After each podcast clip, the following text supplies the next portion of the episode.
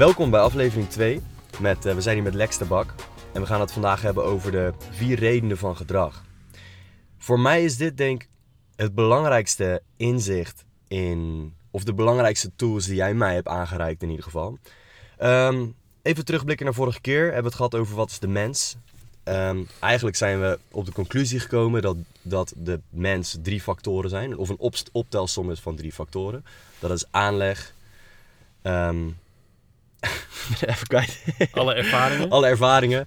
En eh, eh, dus aanleg, alle ervaringen die je hebt meegemaakt van geboorte tot nu. En de omstandigheden van dit moment. Nu gaan we het hebben over de vier redenen van gedrag. En hoe handelt de mens eigenlijk op dit moment? Vertel. Ja, en zo. Het leuke is namelijk dat als je, hè, dus, dus als we met elkaar eens zijn dat dus ik op dit moment dingen doe, dan is de vraag: eh, is het nou samen te vatten wat mensen doen? Kun je nou een soort van lijn zien in wat mensen doen? De redenen van hun gedrag, inderdaad.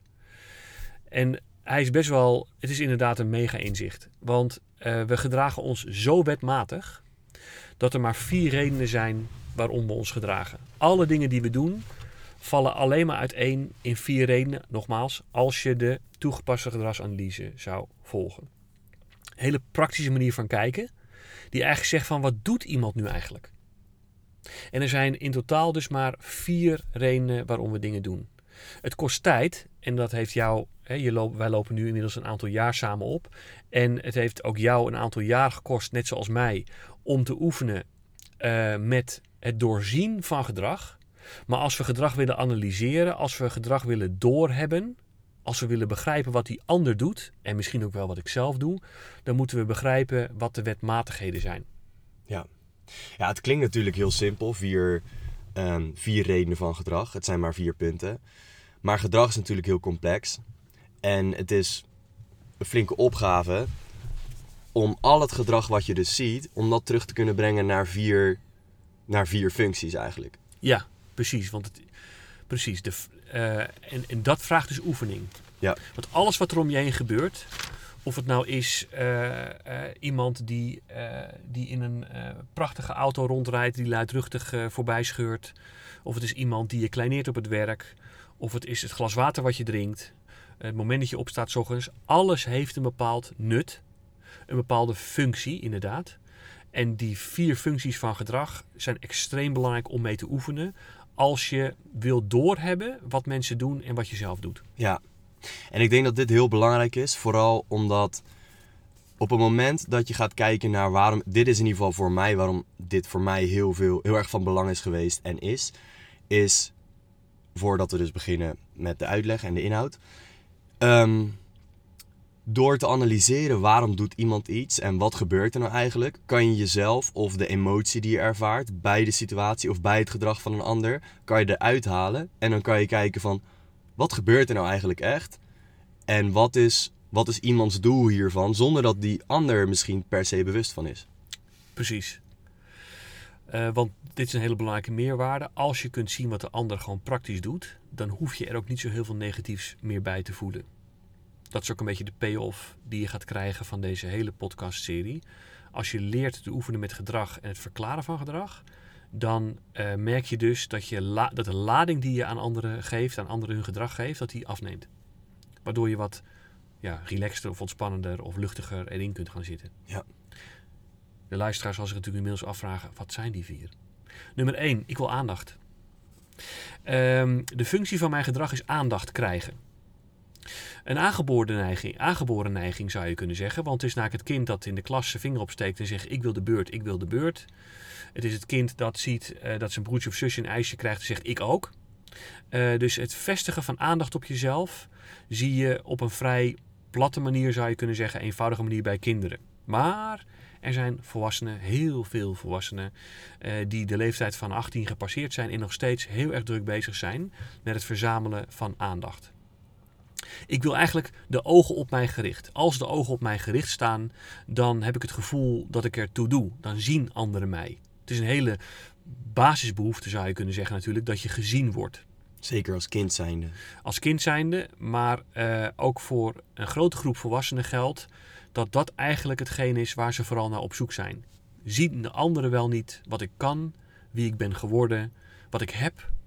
Eh, en dat eh, proces, eh, dat, dat, dat wordt dus geprobeerd te bereiken door het voortdurend vragen om aandacht. Dat gebeurt soms ook op hele dysfunctionele manieren. Wij vragen ook op, op dit moment om aandacht, zou je kunnen zeggen, omdat wij een podcast opnemen voor mensen die misschien willen zeggen van nou, ik wil iets leren over gedrag. Maar er zijn mensen die, eh, en wij, wij doen dat misschien niet op een dysfunctionele manier nu. Omdat we namelijk ja, het aan de luisteraar overlaten of hij luistert, pauze, et. Maar er zijn mensen die met toch ook wat ellebogenwerk en met wat kracht zichzelf continu op de voorgrond plaatsen. Eh, zie je mij eh, voor wie ik ben? Zie je mij voor wat ik heb? En we gaan in deze serie het veel vaker hebben over praktische voorbeelden waarin je ziet ehm, dat mensen aandacht willen. De meest eenvoudige voorbeelden zijn mensen met een hele eh, chique auto die graag willen laten zien hoe goed ze het hebben. Mensen die hun haar op een hele speciale manier eh, eh, doen, omdat ze namelijk graag willen dat ze op willen vallen. De, de die je kiest, ehm, eh, de, de, de, verheffing van je stem, of juist het heel zachtjes praten, zijn ook manieren om aandacht te krijgen. Een bevlogen standpunt innemen kan er ook voor zorgen dat je er oog op je gericht krijgt. Ehm, en zo zie je in allerlei uitingsvormen vrij eenvoudig in eerste instantie dat mensen proberen de aandacht op zichzelf te vestigen. Dat zijn mensen die praten over wat voor positie ze hebben op hun werk. Hoeveel leiding geven, hoe- hoeveel, aan hoeveel mensen ik leiding geef ehm, in mijn bedrijf. Ik ben ondernemer en ik ben ook, ik, ik ben succesvol in wat ik doe. Het zijn dingen die bedoeld zijn, opmerkingen om te laten zien, ik ben er, ik sta er en in feite hoop ik dat je mij ziet.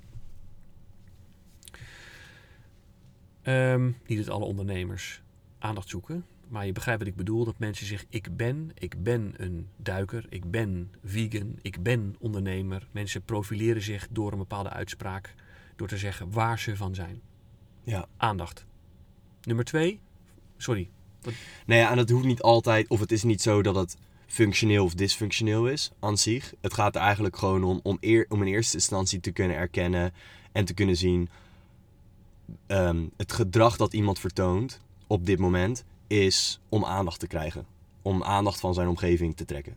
Ja, om in positie te komen, zou je kunnen zeggen, om te zorgen dat je opgemerkt wordt. Ja. Want dat is blijkbaar het doel. De tweede functie is vermijden of ontsnappen. Ik wil iets niet en om die reden stel ik het uit, ga ik eromheen. En ehm, eh, ik probeer dus in feite iets niet te doen. Ik wil wel graag dat het niet al te veel opvalt. Dus ik zou het fijn vinden als ik ergens mee wegkom zonder dat het heel zichtbaar is. Dus, eh, en ook dit gedrag zie je bij kinderen in de ruwe vorm. Kinderen proberen te ontsnappen en te vermijden. Ik zit, mijn buikje zit vol. Eh, daarom kan ik niet meer mijn bord leeg eten. Dus ik verzin, misschien het kind ook wel echt vol zit in een aantal gevallen. Maar er zijn ook gevallen waarbij het kind geen volle buik heeft, maar geleerd heeft tussen geboorte en vandaag. Dat als ik zeg dat ik vol zit, dat ik niet mijn bord hoef leeg te eten. Dus ik ben op zoek naar eh, iets anders dan mijn bord leeg eten in dit voorbeeld. Ik wil graag liever op de iPad. Of ik wil liever even op de, eh, achter de televisie of iets anders doen. En om die reden ga ik proberen te ontsnappen aan waar ik nu in zit. En daar komen we weer. Er zijn heel veel volwassenen die, eh, ook ik trouwens, ik denk dat we het allemaal doen in meer of mindere mate, die liever aan iets ontsnappen, soms door het altijd, dan het altijd aan te gaan. En ehm, het lastige is dat, eh, en we kunnen natuurlijk allerlei voorbeelden verzinnen van mensen die ergens aan proberen te ontsnappen. Op het werk bijvoorbeeld zie je altijd prachtige voorbeelden. Ik geef geen antwoord op jouw e-mail. Ik nodig je niet uit voor een bepaalde vergadering. Op straat, ik kijk de andere kant op als je aankomt lopen. Ik doe net alsof ik je niet gezien heb. Ehm, er zijn dus hele praktische manieren om te ontsnappen. Het zou zelfs een onverschillige houding kunnen zijn naar iemand. Klopt dat? Klopt, ja. Maar dan komen we wel een beetje in het domein van ehm, hoe ga ik me dan verhouden ten opzichte van die ander? Hoe ga, ik, hoe ga ik ontsnappen aan die ander? Want weet je nog, er is een hele groep met mensen die graag aandacht wil, positie, status. En hoe voorkom ik nou dat andere mensen in positie komen, status krijgen of aandacht krijgen. Ik wil graag de ogen op mij gericht. En dan komen we een beetje aan de negatieve kanten van vermijden ontsnappen. Ja. Er zijn mensen die willen ontsnappen aan een ander. En hoe doe je dat? Er zijn heel veel technieken voor. En ook in de podcastafleveringen waar we gaan hebben over praktische voorbeelden, gaan we daar veel verder op in. Maar er zijn mensen die een cynisch grapje maken over een ander. Er zijn mensen die roddelen over een ander. Er zijn mensen die plagen, pesten een ander. En er zijn mensen die ook daadwerkelijk een ander kleineren. Er zijn mensen die andere mensen saboteren, echt tegenwerken. En er zijn mensen die andere mensen in feite compleet negeren. Dus als ik wil ontsnappen aan jou, heb ik allerlei technieken om in te zetten, zodat ik geen rekening hoef te houden met jou. Vermijden ontsnappen kan dus gaan over ik wil iets praktisch vermijden of ontsnappen. Ik heb geen zin om mijn bord leeg te eten. Maar het kan ook zijn ik wil ontsnappen aan Renzo. Ja, daarom zeg ik tegen anderen dat je Renzo vooral niet ja, al te serieus moet nemen. Toch? Ik bedoel, ja, hè, als, je, als je nou hoort wat hij eigenlijk zegt, ja, dan ja, dat gedrag, het, het, dat is ook vermijden ontsnappen. En ehm, het lijkt natuurlijk dat vermijden en ontsnappen, dus de tweede functie van gedrag, lijnrecht tegenover het aandacht zoeken staat. Want de ene is aandacht zoeken, aandacht op me. En de andere is juist geen aandacht op me. Maar toch, dus voordat we ingaan op de, op de derde functie, wil ik nog heel veel inzoomen op het verband tussen de eerste twee. Dus hoe staan, want ik heb zelf vaker gezien en ook over de jaren dat wij ehm, met elkaar gesproken hebben, dat aandacht, eh, aandacht zoeken en vermijden aan ontsnappen aan een bepaalde situatie, dat die toch heel vaak met elkaar samenkomen. Ja, en dat komt omdat namelijk een groep mensen graag de ogen op zich gericht heeft, zoals gezegd. En dan wil ik dus eigenlijk niet dat de ogen naar andere mensen gaan dan mijzelf. Ik wil eigenlijk zelf voorkomen, daar gaan we dus, vermijden dat de energie naar andere mensen gaat. Dat andere mensen het voor het zeggen hebben. Dat andere mensen iets, iets te zeggen hebben over mij. En daarom ga ik allerlei dingen doen om te voorkomen dat iemand anders in positie komt, macht krijgt, aandacht krijgt. Dus daarom zie je dat mensen die graag aandacht willen, positie, status, macht, dat die mensen vaak grijpen naar het middel van vermijden ontsnappen. eh, om in positie te blijven of in positie te komen. En er is ook een groep mensen die niet zozeer de behoefte heeft om aandacht te krijgen. En die in feite gewoon zegt: Ik wil vooral met rust gelaten worden. Ik wil eigenlijk ontsnappen puur om te ontsnappen. Ik wil eigenlijk het liefst ergens onopvallend zitten en niet opvallen en eigenlijk gewoon mijn eigen ding doen. Die mensen zijn er ook. Dus dat zijn mensen die vermijden om het vermijden. Die, die willen in feite ja, niet veel. Die zijn in feite niet, hebben niet de behoefte om meer te doen dan ze doen. Het kan ook een bepaalde onzekerheid zijn, misschien. De vraag is natuurlijk, wat is de voedingsbodem? Inderdaad. En daar gaan we nog veel meer over zeggen. Wat is de voedingsbodem om dat te willen? Waarom zou je, waarom zou je geen stap willen maken? Waarom zou je dingen uitstellen om het uitstellen? Waarom zou je dingen voor je uitschuiven? Waarom zou je... Hè, dat, dat is natuurlijk een super interessante vraag. En daar gaan, we het, daar gaan we het later ook over hebben. Functie 1 is dus aandacht. Functie 2 is vermijden ontsnappen. Functie 3 is ik heb een concreet doel. Ik wil daadwerkelijk iets bereiken. Ik spaar voor een nieuwe auto. Ehm, eh, ik tref voorbereiding om een podcast op te nemen. Ehm, ik solliciteer naar een nieuwe baan, want ik wil een nieuwe baan en nieuwe uitdagingen. Ehm, ik heb dus concreet een doel voor ogen en dat ga ik bereiken ook. Ik ben er niet zozeer bezig met wat andere mensen ervan vinden. Ik ben vooral bezig met mijn eigen doel verzilveren. Ik wil gezonder eten. Ik wil meer sporten. Ik wil eh, eh, daadwerkelijk iets bereiken, zou je kunnen zeggen. En mensen hebben allerlei soorten doelen die ze zichzelf stellen. De derde functie is dus de functie van, je zou kunnen zeggen, inhoudelijke doelen. Dat zijn mensen die op de inhoud zeggen, ja, ik wil gewoon een stap maken. En dat, dat is waarom ik dingen doe. Ehm, deze mensen worden concreet in wat ze willen. En die zie je ook dingen doen om het doel te bereiken. En je zou dus ook kunnen zeggen dat mensen dingen doen om het te doen. Dus omdat, dus bijvoorbeeld, ehm, ik zeg nu even een bepaalde sport of bepaald werk, dat je leuk vindt om te doen, omdat je daar gewoon heel veel plezier en voldoening uit haalt en jezelf daarin kwijt kan. Valt dat ook hieronder? Nou, sport is een leuke. Jij sport met regelmaat en je hebt ook een achtergrond in sport. Waarom sport jij? voel me goed bij. Vind het leuk om te doen. In En, het algemeen. en waar ben je voor aan het trainen?